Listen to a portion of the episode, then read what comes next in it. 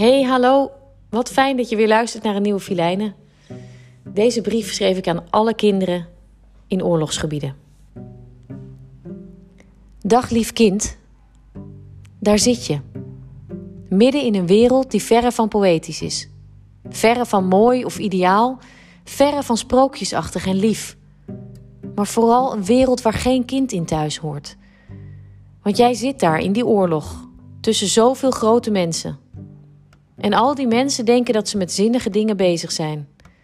Met het redden van hun wereld, met het redden van hun waarheid.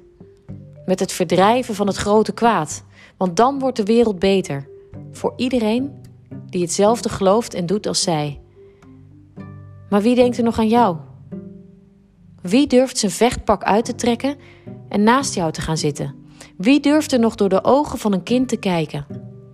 Wie durft net als jij gewoon de wereld te accepteren zoals hij is? Alle bewoners te accepteren zoals ze zijn en zich te verwonderen over de bijzondere kleinere dingen om hem heen. Ik zie hoe stuk je kleren zijn. Je kleine lichaampje heeft honger en je snoet is vies. Je handen zijn droog als papier en je blote voetjes voelen niet eens meer de harde stenen waarover ze je dragen. Je bent nog zo klein, maar je ogen zien de beelden die zelfs voor grote mensen te zwaar zijn. Je oren moeten luisteren naar de schoten om je heen.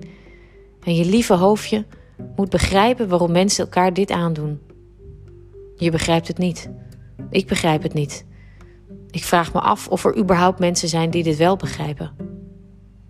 De grote wereld waarin wij samen leven is voor mij soms ondoorgrondelijk, onbegrijpelijk groot en onoverzichtelijk. Maar jij maakt je wereld klein. Tussen het vluchten door kijk je naar de sterren. Je ziet de kinderen om je heen, ook gevlucht, en je ziet nieuwe vrienden. Je vindt een oude emmer en je bent blij met je nieuwe speelgoed. Je ziet een bloem in bloei en je glimlacht.